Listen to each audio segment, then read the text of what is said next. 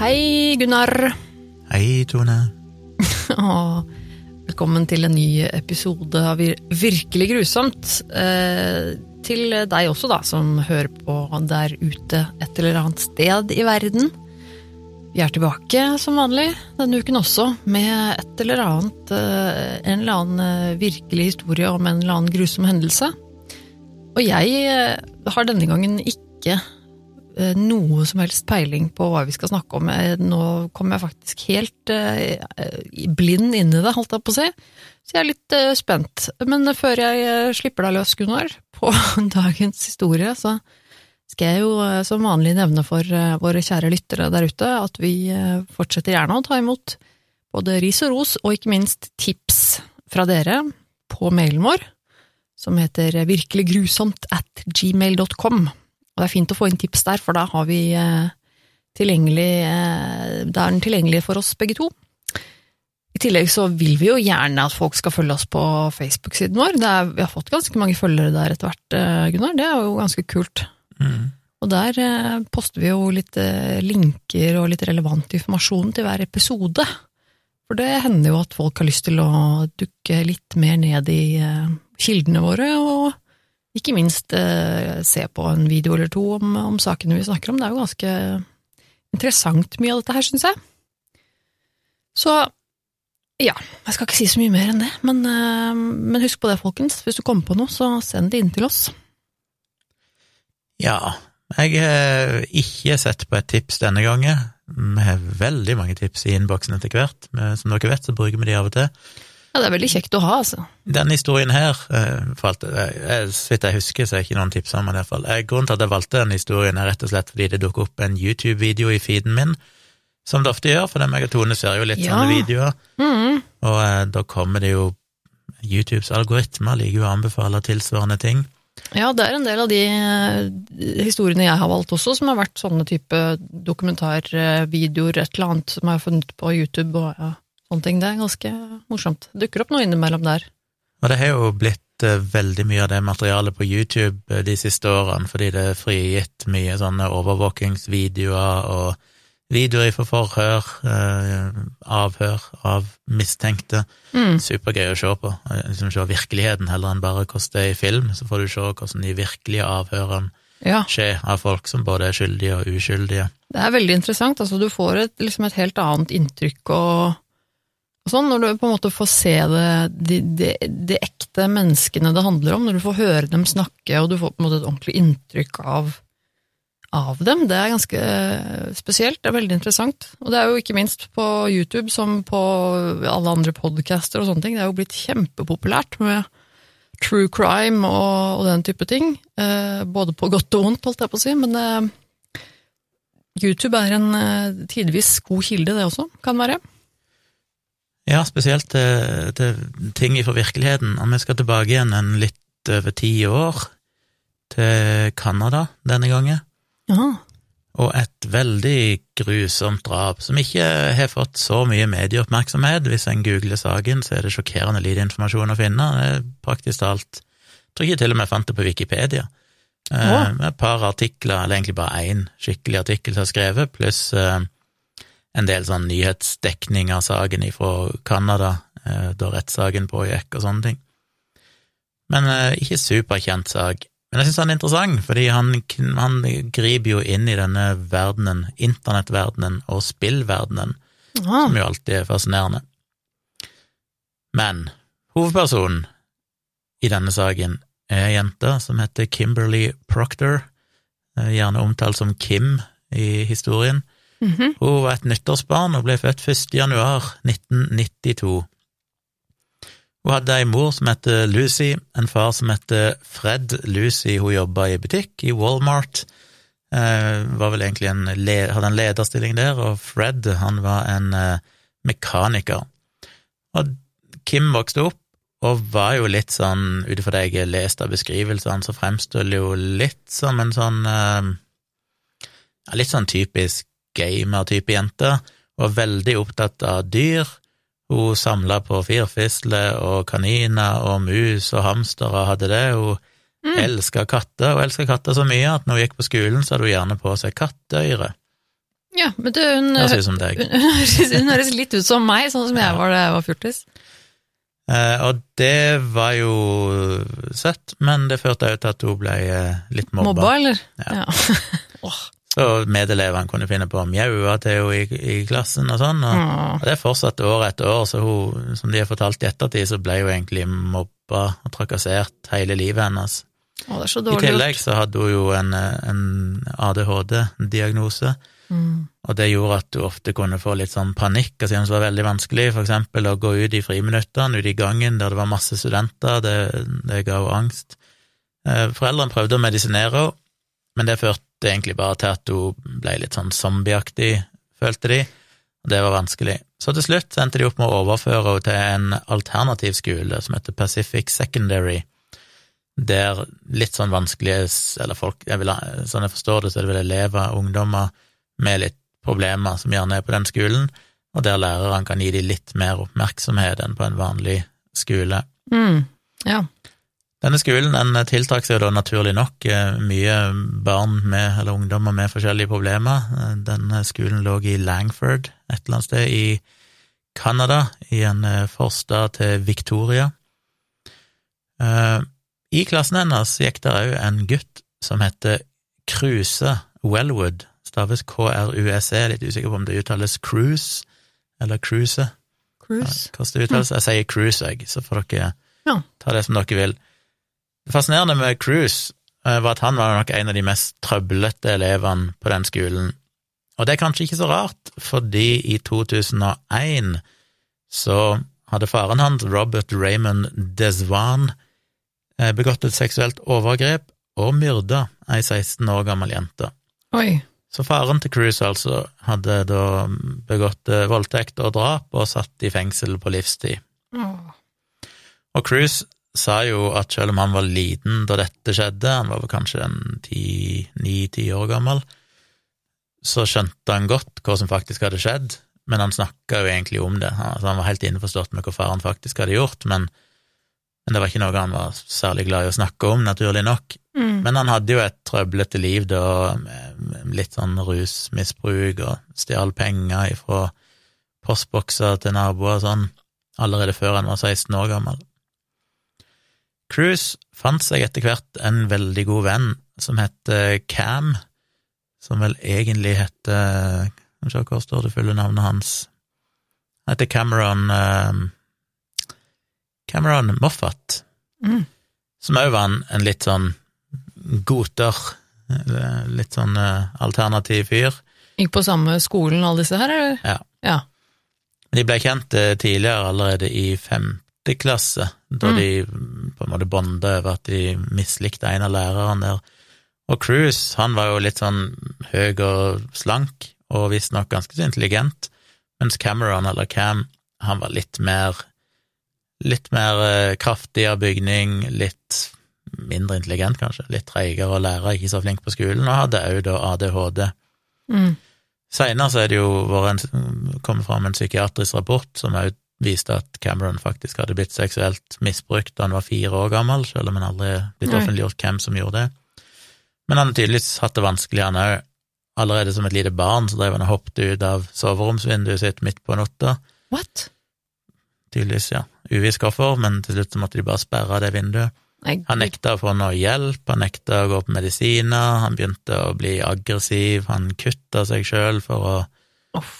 Og liksom eh, for, ja, som avstressing, på en måte. Ja, utløp, ja. Og han ble egentlig mer og mer ubehagelig på skolen òg, blant annet. Hadde han med seg kniv på skolen noen ganger. Stakkar. Men Cruise var jo en av de få da som så ut til å faktisk forstå han, og de har jo senere sagt at de kunne like godt vært brødre, for de fant jo tonen sammen. De skulka skolen, de røykte hasj, og de spilte mye World of Warcraft. De surfa mye på porno sammen, Eh, men selv om de var veldig sånn utagerende og, litt uh, rare sånn sett, så ble de jo aldri sett på som noen seriøs trussel. Mm. Men fascinerende nok, og dette synes jeg jo er litt, litt interessant, for dette har vi jo vært innom en del ganger i tidligere episoder, i februar 2009 så posta faktisk Cruise en eh, post på en Wordpress-blogg med tittelen Early Warning Signs of a Serial Killer. Oh. Og der lista han opp forskjellige egenskaper, som for eksempel å mishandle dyr, eh, en fascinasjon med ild, det å ha blitt forlatt av far sin, det å ha en intens interesse for sadomasochistisk porno. Mm. Og så skrev han det rare med dette er at jeg møter alle 14 kriterier, Mm. eh, men eh, det er jo ikke nødvendig at det å møte alle kriteriene betyr at du blir en seriedrapsmann. Mm. I suppose only time will tell. Mm. Så ja, det var jo litt sånn eh, Yes. litt sånn creepy, um, ut ifra det vi vet som skjedde seinere. Ut fra det som du vet. Som jeg vet, har dere sikkert har skjønt tegningen av. Ja, jeg begynner jo å se omrisset av en fortelling her nå, men eh, jeg syns jo allerede ganske synd på denne gutten. Jeg får så vondt av uh, jeg får så vondt av det jeg Ja, hører om eh, Ja, ja. Eller alle tre. Eh, absolutt. Og ungdommer som på den måten som, som sliter, og som har gått gjennom traumer, og som Det er jo ofte det som er fellesnevneren med Ja. de ungdommene som eh, sliter med å holdt jeg på å si, oppføre seg ordentlig på skolen og med skolearbeid og de tingene der. Det er jo ofte folk som sliter med sine ting. Det er, Men det de gikk altså på samme skolen. Kim og Cruise gikk i samme klasse. Jeg tror kanskje Cameron òg gikk i samme klasse, litt usikker, iallfall samme skolen. Og i 2009, når det kom til 2009, så hadde de egentlig blitt ganske knytta sammen. De hang liksom i samme gjengen på denne skolen.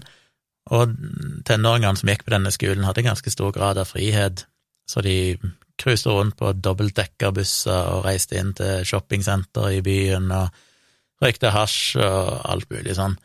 Eh, mye festing ut, langt ut på natta, mye chatting på nettet, mye flørting. Ikke så veldig uvanlig, med andre ord. Mm.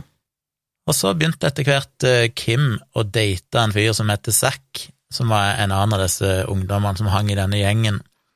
Og Zack og Cruise var ganske gode venner. Hvor gamle er de på dette tidspunktet? Var født i De er vel 17-18 år, eh, Ja. 92, Ja. ja, 17-18 år gamle. yes.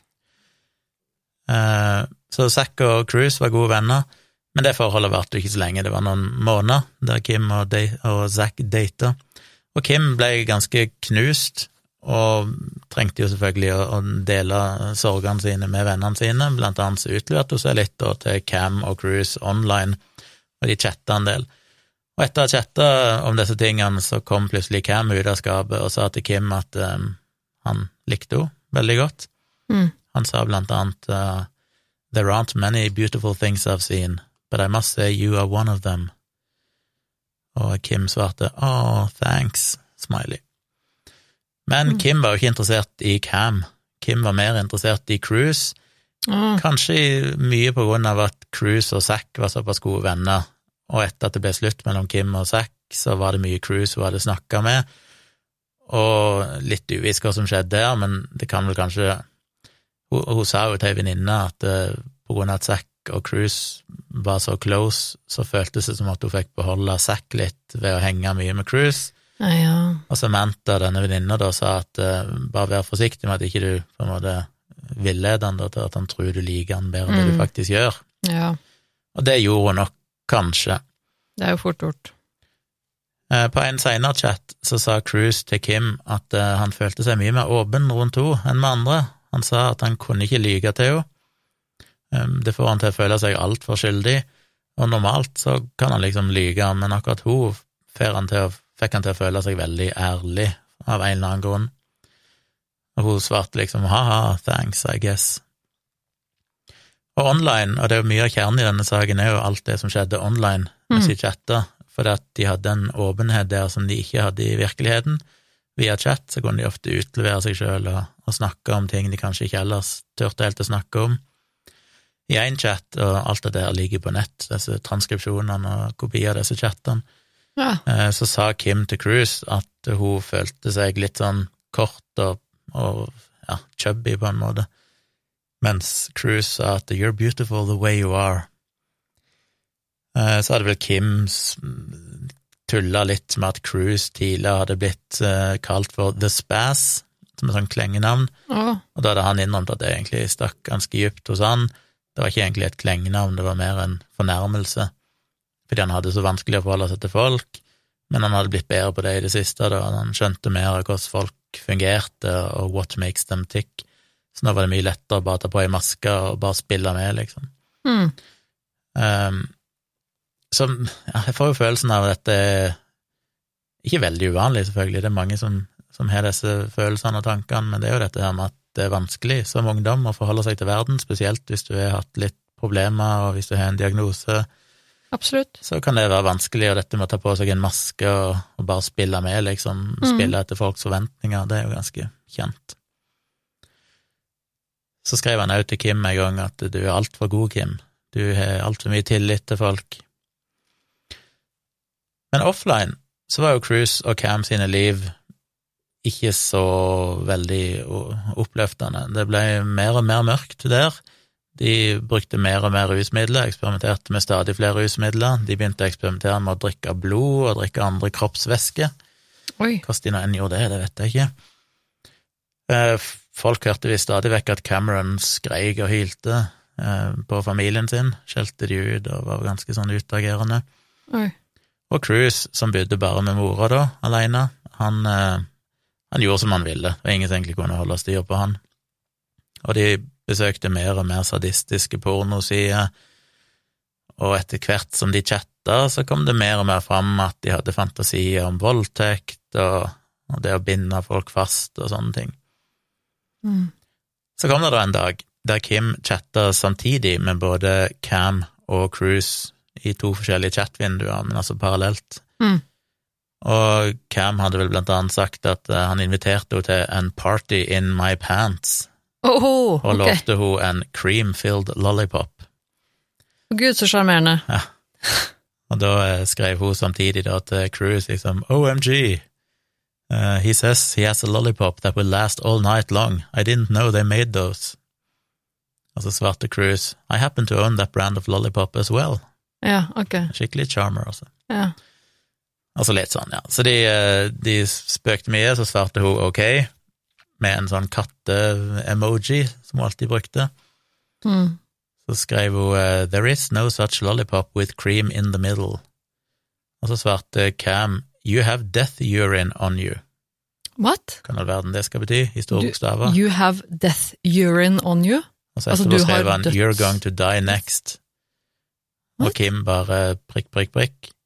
Men hva som sa det? Eh, Cam sa at You're going to die next, Cameron. Og Kim skjønte jo ikke helt hva som var greia, men så skriver Cruise til og spør han hva det du skal i morgen, og Kim svarer at nei, jeg skal ikke noen ting annet enn at jeg skal sitte barnevakt klokka tre på ettermiddagen. Så sier Cruise at han kjeder seg, og lurte på om han kanskje kunne ha noen å, å henge med, chille sammen med. Og så vil han òg unnskylde for noe.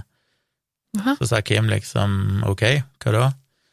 Så sier Cruise at han har noen ting han helst ville fortelle henne eh, face to face, da. Eh, spesielt angående dette her med denne eksen hennes, Zack, denne fiaskoen rundt Zack. Mm. Og Kim var litt sånn overraska og skjønte ikke helt greia, og sa hun egentlig ikke ville snakke om Zack. Um, men Cruise sier at Zack og meg er ikke så close som vi pleide å være, men jeg føler at du fortjener en forklaring. Eh, så sier Cruise videre at eh, men, men ikke bekymre deg, det er ikke så mye, altså, det er bare noe han vil, vil dele med henne. Mhm. Og så sier han videre at han ikke er helt sikker på hvorfor egentlig Cameron og han sjøl og Cruise var så veldig ufine mot henne, for de var tydeligvis det etter at det ble slutt med Zack. Uh, ja. Så de- det, det står mer her, jeg skal ikke gå gjennom alt, men de skrev fram og tilbake. Poenget var i hvert fall at Cruise var veldig opptatt av at han ville treffe henne face to face, og sa okay. at han kan godt eh, treffe henne neste morgen eller formiddag, da, før hun skal dra for å, å sitte barnevakt. Så kunne de ta en liten prat om de her tingene, og Kim svarte at eh, ok, sure. Mm. Men så sier hun videre at eh, hun vil gjerne prate med han på telefon først, og lurte på om han kunne ta og ringe henne. Og det gjorde han, men det ikke hun visste, var at han da òg kobla inn Cameron i samtalen, så han fikk overhøre hele praten med de. Og mens Cruise og Kim prata sammen, så drev òg Cruise og Cameron og, og skrev til hverandre på MSN, tror jeg det var. Mm. Og mens de prata, så skrev de sånne ting som I'm going to rip her nose ring out and burn it. Og Cruise skrev uh, burn her flesh. Og Cam skrev tilbake hvorfor ikke bare binde henne fast og holde henne i live, eller? Så svarte Cruise at ja, det er det jeg skal gjøre, men først må jeg bare eh, ruse meg, og som er forføre henne. Mm. Så ja. Så neste morgen Kim var i senga da mora reiste, fordi hun hadde fri den dagen, så mora ga henne en, en, et lite kyss og sa ha det, hun skulle på jobb, og sa hun elsker henne. Og de var egentlig ganske fornøyd begge to, for det dagen før så hadde Kim òg funnet ut at hun faktisk kunne gå videre på en eller annen utdanning hun hadde lyst til å gå på, Ja. så alt hadde liksom eh, Framtida så lys ut. Men eh, ja, ja, så hun sto opp, skulle egentlig da sitte barnevakt på ettermiddagen, Mm. men hun hadde jo da lovt å møte Cruise, så etter at mora hadde dratt, så tok hun på seg en svart hoodie med nummeret 13 på forsida, og reiste av gårde for å ta en buss. Rundt halv elleve på formiddagen så hoppet hun av på den stoppestedet hun skulle, og der møtte hun Cruise og Cam. Det hun ikke visste, var at Cam kort tid i forveien hadde vært innom en butikk og kjøpt seg en kanne med bensin, Nei. som han tydeligvis trengte. Ja, for, for hun kommer dit, da, og så møter hun plutselig begge to, men hun vet i i Ja. utgangspunktet ikke at begge to skal være der, ikke sant? Nei, jeg, ikke Hun vet avtalt- ikke egentlig hva hun visste, men Nei. det var vel egentlig Cruise hun skulle møte, men Cam Ja. var det tydeligvis òg. Mm. Så de prata litt, og så eh, gikk de nedover en eller annen sted i byen der, langs en vei, og eh, på vei mot et eller annet hus. Tidligere på dagen så hadde jo Cruise og Cam planlagt dette her litt, og blant annet så hadde Cruise sagt at det skulle ha et eh, kodeord, eller en kodefrase, når han sa I think I'm going to make some KD. Og KD det er mm, egentlig en sånn kanadisk forkortelse for det som vi kanskje kjenner som mac and cheese. KD står for Kraft Macaroni and Cheese Dinner. Å, Når han sa det, I think I'm going to make some KD, da var han klar til å angripe henne. Så da de kom til dette huset, jeg er litt usikker på hvilket hus det var, hjemme hos en av de sikkert, Mm. eh, der de skulle være, så gikk eh, guttene til angrep på Kim. De sparka henne, de slo henne, de bandt henne fast etter hånd, hender og ankler, eh, og så er det jo ut fra forskjellige sånn, avisartikler jeg leser, sånn, så er det litt varierende hva informasjon som står der. Her står det at, eh, at de putta en sokk i munnen hennes, en annen plass så sto det at det var trusa hennes de putta i munnen, men de putta iallfall et eller annet i munnen hennes og teipa munnen fast med, med sånn ducktape. Mm. Og etter det så begynte de å voldta henne og banke henne opp i timevis.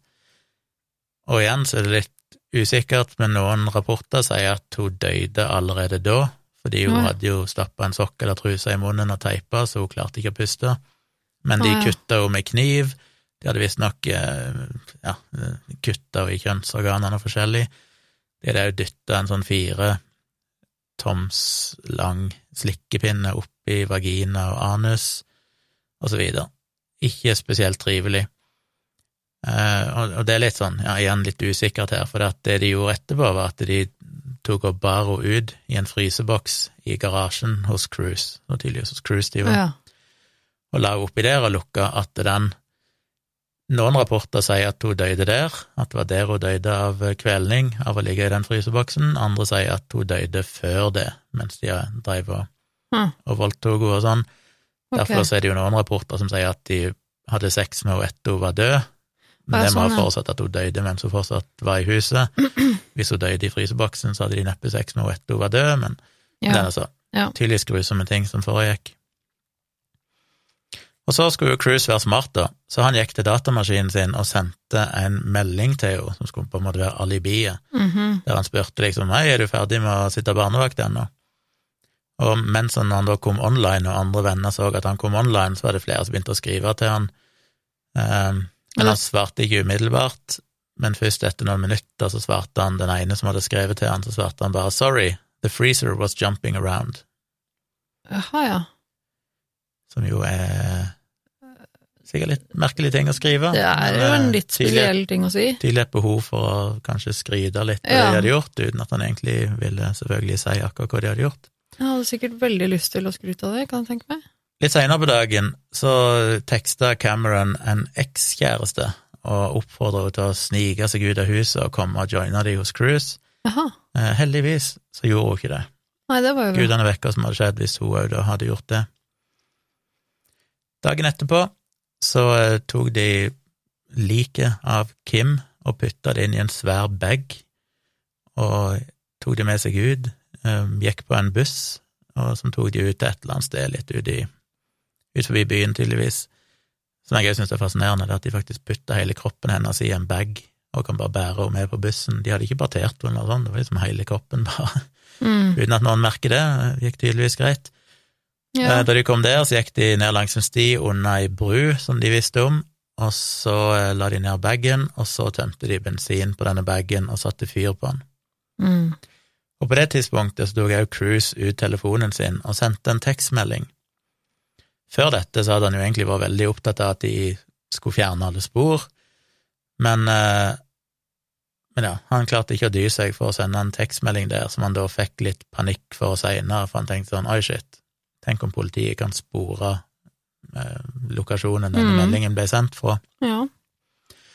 Men da sendte han en melding som jo nesten er litt sånn uforståelig, for det er skrevet på sånn eh, dårlig språk, men OMFG, I am so upset. My best friend is missing, Kim. If you see this, please email me telling me that you're okay. Okay, I will never stop being friends with you, Kim. I miss you. Please email me to tell me that you're okay. Masse utropstegn og smileys og sånn. Kim, I miss you and I love you. Jeg skjønte ikke helt, sendte han den til Kim? Jo, kanskje. Det Står liksom ikke helt klart hvem han sender den til. Og dette var da dagen etterpå at de drepte henne, ikke sant? Dagen etter de drepte henne, og mens de fortsatt var under brua der og hadde satt fyr på henne. Ja, og på dette tidspunktet så virker det jo ikke som om egentlig noen andre kanskje skjønner så mye at hun er missing, på en måte, eller? Nei, på det tidspunktet så var hun vel Hun var nok kanskje rapportert, jeg er litt usikker på akkurat når hun ble rapportert som eh, Ja. missing, men, men de hadde Ja. ikke satt i gang noen aksjon ennå på det tidspunktet, tydeligvis. Mm. Eh, den her venninna som tidligere hadde sagt til Kim at hun ikke måtte bli for eh, friendly med, med Cruise, eller gi han inntrykk av at hun likte han bedre enn hun gjorde, hun posta jo denne her tekstmeldingen på Facebook-sida si. Um, Så jeg er fortsatt litt usikker om det var Samantha han sendte den meldingen til, og at hun da skulle poste den på Facebook, eller hva som var greia. Men iallfall, den ble posta på Facebook veldig kort tid etter at eh, mora til Kim rapporterte at hun faktisk var savna. Hun hadde mistenkt at noe var galt, denne mora, allerede da hun ringte henne på ettermiddagen og ble sendt rett til telefonsvarer, fordi ettersom telefonen var av, så følte hun at noe måtte være galt. Det er tydelig at hun allerede dagen før Mm. skjønte at noe var galt, og da muligens gikk til politiet. Og det ble jo starta en leteaksjon der både familie og venner og politiet begynte å lete etter Kim. Men Cam og Cruise de fortsatte bare livet sitt som om ingenting hadde skjedd. Ja, så det. Etter at de hadde dumpa kroppen hennes og satt fyr på henne, så reiste Cruise hjem og hang med ei jente som han drev og data litt resten av dagen. Cam han gikk og spiste brunsj med bestemor si og mor si, som også tok han med ut for å kjøpe et video, et dataspill til han seinere. Mm. Samme kvelden, omtrent klokka sju på kvelden, så var det en ung fyr som hadde røykt hasj med noen venner i nærheten av der de hadde dumpa Kim, som tilfeldigvis gikk under brua og fant da disse forbrente restene eller levningene av Kim, og meldte ifra om det. Og de fikk ganske raskt ved hjelp av eh, analyse av tennene identifisert det som da Kim. Mm. Så da starta de en full etterforskning, selvfølgelig, med mer enn 40 politimenn på saken. Og eh, da er det jo snakka om det mye i politiet i ettertid, at hvor viktig dette med å bruke data ifra det som skjedde online, faktisk var. Eh, fordi unge personer, kanskje spesielt, er mer åpne online. Jeg tipper det gjelder de fleste, egentlig, uansett alder. Ja, Og kanskje føler at det er ingen som egentlig ser eller vet hva de skriver. Ja. Så de, eh, de eh, fulgte nøye med på Facebook, blant annet, fordi at eh, familie og venner til Kim de opprettet sånne minnesider på Facebook for Kim, og der var det jo mange som kommenterte og kom med, med minneord og sånne ting, men de fulgte jo veldig nøye med for å se hvem som kommenterte, og hva de skrev, ja. og endte opp med å kalle inn en del av de da som potensielle vitner etter hvert, og avhørte de. Mm. Eh, og da sa vel også politiet at you'd be amazed how many people don't have a single privacy setting on there. Veldig lett for de å finne ut hvem som var hvem, og hvem som kommenterte, og hvor de bodde og sånn, og da kunne kalle de inn til, ja. til avhør. Så begynte jo nyhetene om dette her å spre seg i, i media og nyhetene, og Cruise han ble stadig mer paranoid og redd for å legge igjen noen spor online, Men samtidig så klarte han jo ikke å motstå fristelsen til å egentlig fortelle hva han hadde gjort. Skryte litt. Ja. Eh, Han eh, var redd for å bruke MSN, for han følte at hvis han skrev ting på MSN, så var det kanskje større sjanse for at noen fulgte med, eller at det ble logga et eller annet sted. Men han følte at hvis han chatta inne i World of Warcraft, Mm. så var det nok mindre sjanse for at noen fikk med seg dette, eller at det ble lagra noe sted, så han følte det var ganske trygt. Det trodde han, ja. Så bare fem dager etter at hun ble drept, så fortalte han da til en sånn gamer-girlfriend som han hadde i en eller annen by i Canada, i Halifax, så sa han til henne at eh, på MSN at han hadde noe viktig å fortelle henne, men han ville helst gjøre det inne på World of Warcraft-chatten. Så de møttes der inne, og da sa han egentlig hva de hadde gjort, at de hadde drept Kim. Oi, wow.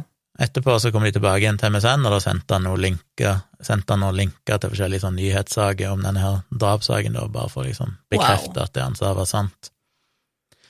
Eh, Hun er jente, hun ble jo sjokkert, men hun svarte på en måte som han egentlig hadde forventa. Hun svarte at um, I'll always be here, no matter what you do. Ja. Og han sa That's why I told you. No matter how things turn out, I'll make it up to you somehow, one day. Ok. Så kommer det aldri helt fram om hun gikk til politiet med dette, det har jeg prøvd å finne ut av, men jeg klarer ikke helt å eh, For hvis ikke, så er det vel òg antagelig straffbart, vil jeg tro, å vite om dette og ikke melde ifra om det. Mm. Men eh, jeg finner ikke ut noe mer om hun, annet enn at hun da seinere selvfølgelig har blitt avhørt.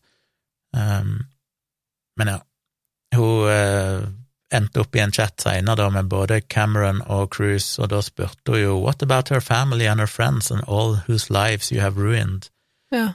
Og da svarte Cameron at han følte I don't feel bad for them. Han følte ikke noe rundt det. Og så skrev hun tilbake Just don't ever again. Hva hun mente med det, altså. Ikke gjør noe sånt igjen, eller et eller annet. Mm. Og Cruise svarte I promise, I have no desire to. Og så plutselig så skifta han tema og sa at jeg lurer på om jeg skal spille litt Pokémon igjen. Jeg har hatt litt nostalgi for Pokémon i månedsvis nå, så det vil han gjøre. Ja.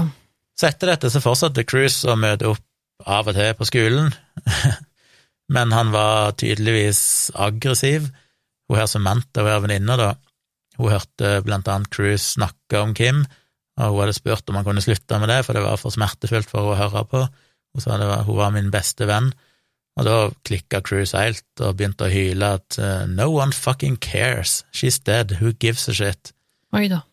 En annen elev der hadde òg en tilsvarende opplevelse, der Cruise hadde sagt til han at I'm glad she's dead, I hated her. Oi.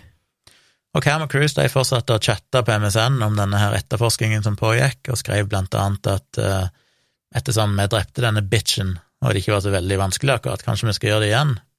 Ja, ikke sant. Til slutt så ble jo da, og igjen vet jeg ikke helt hvordan mistanken havna på deg, om det var fordi hun der uh, venninna, gamer-venninna eller kjæresten hadde sladda, holdt jeg på å si, varsla til politiet. Men de ble til slutt henta inn da for avhør, og da innrømte de først at de hadde sett Kim den morgenen, men hevda at hun hadde forlatt de da for å gå på skolen. En av politimennene spurte da Cruise òg en type person tror du ville gjort noe så grusomt, og Cruise hadde svart noen som tror at det er verdt det å faktisk drepe noen, eller noen som bare gjør det ut av raseri. Mm. Etter en stund så hadde politiet nok bevis til at de faktisk kunne iverksette en komplett overvåking av Cruise og Cam, så de hadde jo både avlytting av husene deres, avlytting av mobiltelefonene, og forskjellige plasser utendørs òg, der de pleide å henge, var avlytta med mikrofoner. Da kan det jo ikke ta altfor lang tid, tenker jeg, før de eh, gikk eh, rett i baret, eller? Nei, og de, jeg vet ikke om de henta inn datamaskinene eller hva de gjorde, men de klarte iallfall å, å analysere innholdet på disse datamaskinene og Google-søkene deres og sånne ting, Ja. og fant jo da ting de hadde søkt på på Google og Google Maps, blant annet at de hadde leid etter en plass å dumpe liket, og hadde tydeligvis funnet denne brua. De hadde søkt på ting, inklusiv på Wikipedia, som var relevante for dette drapet, og de hadde òg tonnevis av chatlogger fra forskjellige eh, ja, sikkert MSN og mulig, tydeligvis òg World of Warcraft. Og visstnok, når de var ferdige, så hadde de 1,4 milliarder ark, eller sider, med dokumentasjon på oh, alt de hadde gjort. herregud. Okay. Ja, det er jo bra at de var så dumme, da, at de la igjen så mye spor. Altså, det er jo Ja. Eh, dette drapet skjedde jo i, i, midten av mars omtrent, men 18. juni så ble til slutt Cruise og Cam arrestert for drapet på Kim. Og det er jo noe av det mest uh, mest grufulle, egentlig, med hele greia, og det er jo at de var jo totalt følelsesløse rundt det som hadde skjedd. Ja. De ble arrestert, de var helt rolige når de ble arrestert, og heller enn å faktisk gå til en rettssak, så bare innrømte de det begge to, ganske umiddelbart, bare pleada guilty til, en, til overlagt eh, drap, og at de òg hadde da um, Hva heter det uh, det drevet likskjending, er det vel rette mm. ordet. Ja. Og de fikk ganske kort tid etterpå, da ble de dømt til livstid, med ingen mulighet for prøveløslatelse de ti første årene. Mm. Nå har det jo seinere i 2019, tror jeg, så hadde han ene muligheten til å Jeg vet ikke om det var Cameron som hadde muligheten til å få prøveløslatelse, men han valgte å ikke søke om det, så jeg skjønte det. Okay. Mens eh, Cruise tror jeg hadde det oppe, den saken, i, for et år siden, omtrent, eller om det var i, i, mai eller et eller annet i 2020, men fikk den avslått, da. Hmm. Og mye av grunnen til det ser ut til å være at psykologiske undersøkelser de sier at det er en veldig høy risiko for gjentakelse. Ja. Ehm, begge er jo mer eller mindre karakterisert som psykopater, alt å si. De har ingen følelser rundt dette, de har ingen anger rundt det. Nei. Når de satt i politibilen etter de ble arrestert, og sånn her, så er det jo lydopptak av de, der de er blitt eh, Det var mikrofoner i, i politibilen, og der òg snakker de jo bare som om dette her ikke er noen ting, og hvordan de liksom ja, bare latterliggjør politimennene som er avhørt i, og Ja. Og lurer på liksom, hva muligheter er i fengsel, er det mulighet til å gjøre ditten i uh, spille dataspill, eller hva er de tilgang til? Altså, de visste på en måte at nå blir de fengsla, men det er akkurat som det brydde de ikke så mye. Nei, for dem for det var liksom det kjipeste var at ah, da får vi ikke spilt uh, dataspill mer, da får vi ikke ah, Da blir liksom ja, inconvenience, liksom. Ja. De ble jo uh, Så var det en stor sak da om de skulle dømmes uh, i henhold til som voksne, da, eller som myndige personer. Ja. For det betyr vel kanskje Altså, hun Kim hun var jo 18 år når dette skjedde, fordi hun ble jo født 1. januar. Ja. Men de to andre tror jeg faktisk bare var 17, altså de to som gjorde det, Cameron og Cruise. Så da Ok. var spørsmålet skulle de dømmes som om de var voksne eller ikke. ja. Og det endte de opp med å bli gjort. Uh, Cruise ble jo an, eller vurdert til å være en seksuell sadist av den sjeldneste typen, spesielt for noen så unge. Oi. Eh, og foreldrene til Kim de ønska jo at begge to skulle få dødsstraff, men de har ikke noe dødsstraff i Canada, så det var ikke Nei. mulig. Men eh, det jo, har de jo sagt i flere intervjuer, de mener at når du har gjort noe så grusomt, så må du egentlig bare avlive folk, enkelt og greit. Så de, eh, de har aldri egentlig vist noen form for anger i det som skjedde etterpå, men endte det opp med å bli dømt som voksne og satt i et fengsel for voksne, og som òg blant annet De, de ble jo dømt for, som sexual offenders, eh, og ble lagt inn i en sånn sexual offender treatment program, Ja, okay, de ble som det, ja. blant annet betyr at de ble kjemisk kastrerte, som Oi. er en greie de gjør i Canada, for å prøve det, å motvirke gjentagelse. Som er litt rart, hvis jeg likevel skal sitte i fengsel i hele livet, hva er vitsen da med å, kjemisk kastrere Ja, dem, det- med mindre de er redd for at de skal gjøre Ja. begå overgrep mot noen i fengselet? ja, det er jo litt spesielt. Ja, har de gjort det som en straff mot dem, da? Må det jo være, eller noe sånt. Hvis de ikke utgjør en Kan. Det er jo Eller så er det ja, at du eller, må behandle de tidlig og lenge, i tilfelle de blir Jeg vet ikke hvor lang, lang behandling du må ha, eller om det er liksom bare en ting du gjør en gang, eller om du må ja, det er litt- det lengre tid før det liksom endelig virker, Jeg er litt usikker på det, men jeg, jeg hadde fått inntrykk av at kjemisk kastrering ikke var en en, en, en eh, Ikke var permanent hvis du bare utførte det en gang. Eh, Nei, og det er jo mye kontroverser rundt det, Ja, eh, om det egentlig er forsvarlig, humant, om det er trygt, om det er effektivt, alt det der, men de gjør iallfall det i Canada. Mm. Etter at de ble tatt, så det, kom det jo, var det fire jenter minst, som også sto fram seinere og sa at eh, Cameron hadde hatt sex med de. Det var veldig, veldig røff sex, med bondage, og mye sånn verbalt nedsettende kommentarer. ok. Og i iallfall ett tilfelle en eh, sånn date rape, visstnok, Ja. bare noen måneder før de endte opp med å, å drepe Kim. Men, Men det som i seinere tid har vist seg å kanskje være det som fikk de til å ende opp med å ville drepe henne, er jo to ting. Det ene er at uh, Kim og, og Cruise, de halvveis data jo, men Kim hadde på et eller annet tidspunkt da sendt en tekstmelding til Cruise og egentlig sagt at uh, vi ja, på en måte gjort det slutt, men de var jo egentlig aldri sammen, så jeg skjønte, men det hadde iallfall gjort han så forbanna. Ja, at han ble litt avvist, da, at han følte ja, seg kanskje litt klassisk. avvist. Ja. Men det andre som er kanskje mer skremmende, er jo at de har vel egentlig sagt, og det kom fram at For det var jo når politiet, de som etterforska og avhørte de, sleit med å finne ut av, og vel egentlig aldri helt fant ut av det, var hvorfor gjorde de dette? Ja. Hva var motivet for å faktisk torturere og drepe ei god venninne ja. av de begge? Og da ble det egentlig akkurat som i den tidligere episoden vi hadde om de her skrikmordene, som var en veldig lik sak, egentlig, med de to guttene som møter opp hos ei jente, klassevenninne, som sitter barnevakt og bare dreper henne. Så er forklaringen at de hadde bare lyst til å prøve hvordan det var å drepe noen. Mm. De hadde lyst til å voldta noen, og hun var et enkelt bytte. Mm. Eh, så det, de to sakene er jo veldig like. Det er to gutter som har veldig den samme psyken, holdt jeg på å si, samme type folk og de er såpass kalde og kyniske at selv om det er noen de egentlig er glad i, som de henger med, som er venn med, så er det sånn Men det Vi trenger bare å finne ei som er lett tilgjengelig, og hun er lett tilgjengelig. Og de ja. har lyst til å prøve hvordan det føles, liksom, å voldta og drepe noen. Så da gjorde de det, da. Jeg er litt usikker på om de på en måte egentlig var glad i henne, på, på en måte. Altså sånn For jeg kan se for meg at at dette her er jo snakk om da mennesker som har ganske tydelige psykopatiske trekk, og kanskje mangler både empati, men også på en måte den moralen som vi, de fleste av oss andre har på en måte innebygd på et eller annet vis. At og ofte med sånne mennesker så er det jo snakk om en slags eh, eh, egoisme og veldig sånn narsissisme, som, som, på en måte blir sånn at alt utover en selv ikke egentlig er noe viktig. At, eh, at man, man, har på en måte ikke noen ordentlige følelser at noen andre enn en selv er noe, noe, ordentlig, eller at man på en måte ikke blir glad i folk på den måten at, at, menneske, at andre mennesker faktisk betyr noen ting. At man klarer liksom Nei. ikke helt å sette seg inn i at, at, andre mennesker har noe verdi.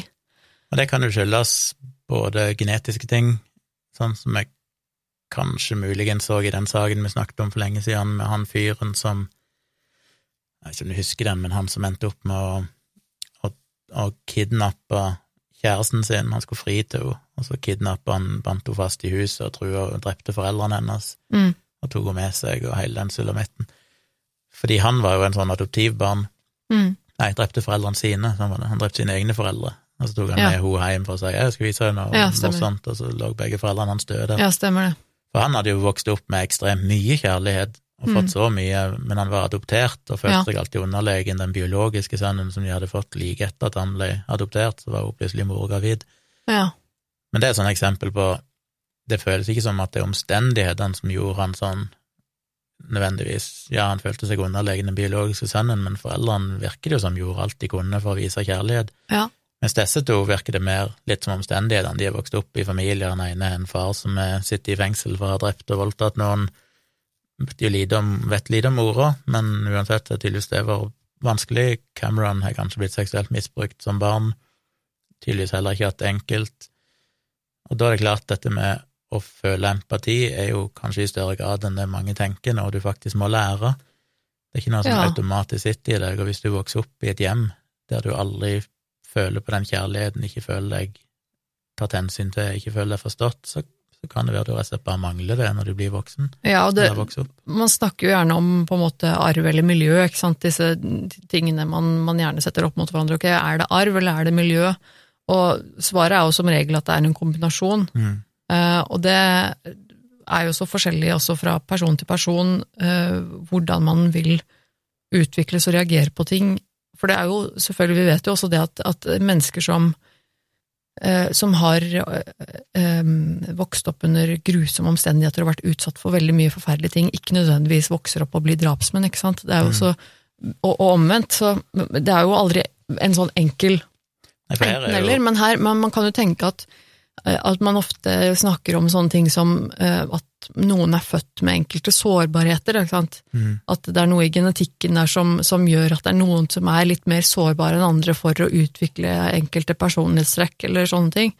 Og da tenker jeg at det kanskje har noe med dette å gjøre, når man på en måte er da at man da både har kanskje noen, noen sånne, sånne trekk i familien, i genene sine, men i tillegg også da får en sånn behandling når man er liten, så Ja, Pluss at det er tilfeldighet, det er jo den tredje faktoren. ja, ja. Eh, ja. Fordi det har vi jo sett i mange av sakene vi snakker om. Det er vel kanskje mye som tilsier at hvis ikke eh, Cruise og Cameron hadde møtt hverandre noen gang, så hadde dette aldri skjedd. Det er også et veldig interessant Det var det at de måtte de to personene til for å spille hverandre opp og søke trygghet i hverandre og bekrefte de ideene de hadde, liksom, det er jo som gjorde at de kunne gå så langt. Ja, det er jo klart at det vil man jo Vi vil aldri få noe svar på det. ikke sant? Det kan Nei. godt hende at begge to gikk hvert til sitt og ville gjort Men jeg noe har jo like sett i mange av de men sakene vi snakker om, at det er Ja. to som møtes, som er like psycho, holdt jeg på å si, ja, og og kun kan, derfor ser det ut til å skje. ja, og så kan man jo måte kjenne seg litt igjen i det, med bare hvis man ser generelt på eh, på det som gjelder oss alle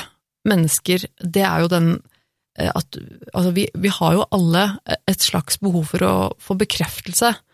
Vi har jo alle et behov for å bli sett og hørt, eh, og føle at vi er, er altså tilhører, at det er noen som liker oss, og at vi, at vi eh, Det er jo et veldig sånn grunnleggende behov i oss, og jeg tenker at eh, at når du da i utgangspunktet har sånne ekstreme tanker eller følelser eller holdninger som, som går på det å skade andre eller sånn, og det er på en måte, det er jo i utgangspunktet veldig unormalt, ikke sant, og da når du finner en annen person som kan bekrefte deg, og være enig, og liksom eh, Det tror jeg kan eh, være veldig skummelt, da. Det tror jeg Mm. kan være veldig, veldig skummelt, og det er litt sånn som det om, for, for oss andre, holdt jeg på å si, blir litt omvendt. Eh, at, eh, at man, eh, hvis man har det vanskelig og, og, og har det kjipt og sliter med ting, at man da gjerne trenger noen som kan se deg og bekrefte deg og, og støtte deg, ikke sant? som da kan være en Ja. positiv ting for oss andre, men som da i en sånn situasjon kan bli litt snudd på hodet, da, hvis du skjønner hva Og så er det jo det at samfunnet fungerer jo som en slags korreks. Vi har jo alle mørke tanker med alle ting vi ikke helt vet hva er moralsk rett og galt. Og det å da ha et samfunn rundt deg som på en måte bekrefter hva som er rett og hva som er galt, det er veldig viktig. Mm, Men i det øyeblikket du isolerer deg litt sammen med én person, sånn som de tydeligvis gjorde, de hang veldig mye sammen, rusa seg sammen, ja. dyrka de samme aktivitetene, så mister du litt av den korreksen, for det, det du finner, er jo at det er noen som sier at dette er greit, dette er sånn det skal være, dette er, legitimt. Mm, Ja, og da kan du miste litt av den der kursendringa som kanskje samfunnet ellers ville ha ført til, hvis du hadde vært ikke hadde møtt den personen og ikke isolert deg sammen med noen. Jeg lurer jo også på hvor mye den eh, dette rusmisbruket hadde med det å gjøre. Eh, Det står, du vet, vi vet kanskje ikke så mye om det, men eh, jeg lurer jo på en måte liksom på Jeg tenker sånn, ok, de ruset seg, hvor mye ruste de seg, hva ruste de seg på, liksom? Eh, I den dokumentaren jeg så, så sa de at de begynte å Jeg tror han ene var det Cameron, han begynte å drikke da han var ti år gammel, liksom. Å, guri malla. Men de brukte mye alkohol. Ja. Så, det, så sa de vel eh, liksom Later they started experimenting with harder drugs like ecstasy and LSD. Og det er sånn eh, Ecstasy og Ja, LSD er vel teknisk sett ikke harder drugs enn alkohol. det er vel vesentlig mindre farlige den- rusmidler. Ja, men de mente Men, Men, eh, da er det Altså, ja. Men de eksperimenterte tydeligvis med mange forskjellige rusmidler. Hadde, ja, sant, for da hadde de kanskje en ganske lav terskel for å putte i seg rusmidler. Ja, så De drakk jo blod og drakk andre kroppsvæsker. Ja. Er tydelig at de ville prøve alt. De ville være unormale. De Ja. ville dyrke det som var avvikende, på en måte. Og så vet du jo det at, eh, at sånn type rusmidler kan jo ha en veldig ødeleggende effekt på en, eh, en, en hjerne i utvikling. Mm. At det er jo mye, og spesielt alkohol og sånne rusmidler som er eh, farlige og giftige, er jo ekstremt også farlige for, for unge hjerner, og for ungdom som på en måte da Unge mennesker som, som fortsatt er under utvikling, kan jo det. Det er jo veldig Ikke at jeg prøver å skylde på rusmidlene nå for, for det de gjorde, det, det er ikke det jeg mener, men, men jeg tenker jo at det kanskje nok har hatt en faktor i å da på en måte eskalere dette her, på en måte. At det kanskje de nok ble verre av det også. Ja, det er vanskelig å si. Det hjelper nok ikke, selvfølgelig, men uh, om det var noen sånn særlig viktig greie, det vet jeg ikke.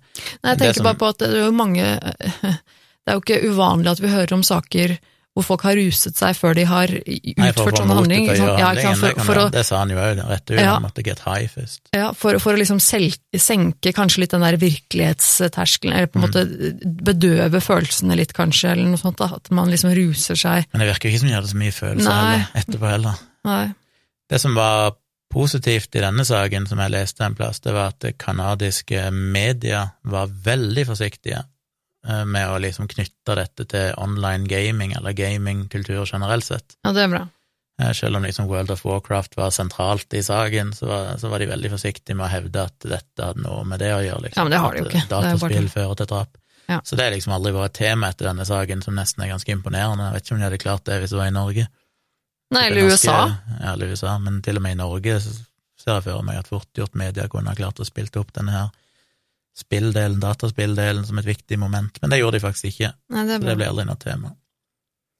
Så ja, vi skal ikke tvære det ut lenger. Eh, Dette var historien. Klarer du å rate det på en eller annen grusomhetsskala?